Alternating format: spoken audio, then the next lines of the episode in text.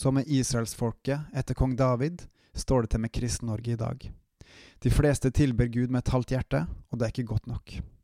Gud sendte Israel mange profeter for å advare, bygge og støtte sitt folk, både de få som fulgte han, og alle de som vendte han ryggen. Så også i dag har Gud sendt profeter, men folk vil ikke høre. Jesaja i kapittel 29 hadde rett da han profeterte mot israelittene at de ærer Gud med leppene, men hjertet deres er langt vekke fra han. Så også i dag. Til slutt endte med at Gud måtte straffe ondskapen eh, til sitt eget folk, Israelsfolket, fordi at han elska og fortsatt elsker sitt folk. Så også i dag. Gjennom bortføringa i Babylon fikk hans folk på ny muligheten til å vende seg om til Gud til mot Gud. Altså vende blikket mot Gud, søke Han, bruke tid med Han, tilbe Han, med det livet man lever. Dette kan ikke gjøres halvveis, for kun Gud skal ha din øverste lojalitet. En annen ting israelittene i Babylon lærte, var en slags middelvei.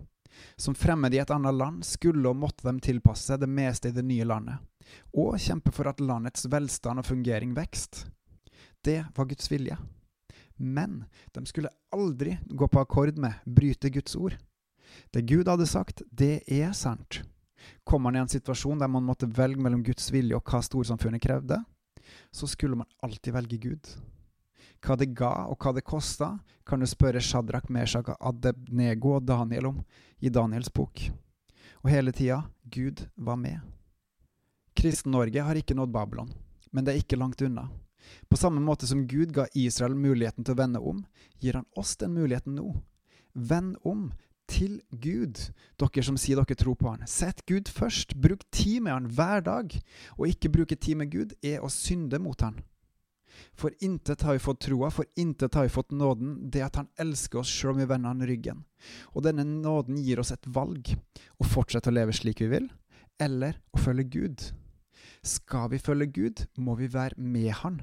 Med Han. Da kan vi ikke dilte rundt og tro at alt er greit, da må vi være der Han er.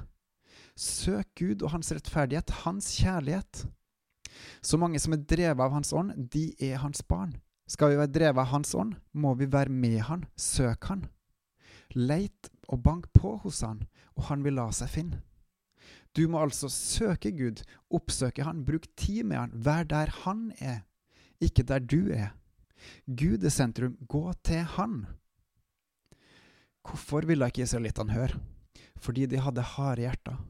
De levde slik de ville, og støtta seg på jordiske ting, folk, og ikke Gud. Vil vi i Kristen-Norge høre og gjøre? Skal vi våkne i tide, må vi vende om til Gud én og én og én og én og én og én og én, og det sammen må vi vende oss om til Gud, bekjenne syndene våre, og så få leve i Hans kjærlighet, i Hans nærhet, og vokse i Han. Da vil Han ta bolig i oss og virke i oss. Da vil Han bygge oss sakte opp til å bli fullmodne i Han. Da vil vi være Hans barn, som virker og lever i Han. I Babylon var det få som gjorde det her, og dermed tok det lang tid å bygge opp hans folk igjen. Det var mye motstand og motgang, men Gud i sin kjærlighet ga myndighetene godvilje for sitt folk og førte dem hjem. Ikke uten motstand, ikke over natta, men ved stein på stein, ved langvarig bygging, begynte det tilbakevendte folket å sakte reise seg opp. I det her trenger folket ledere som er villige til å reise seg, til å gå foran, til å rydde vei, og alltid ha sin lojalitet og kjærlighet i Herren. Dette har vi noe av i Norge, men vi trenger flere. Er du med? Skal Guds rike vekst og døden avta, må vi omvende oss og søke Herren.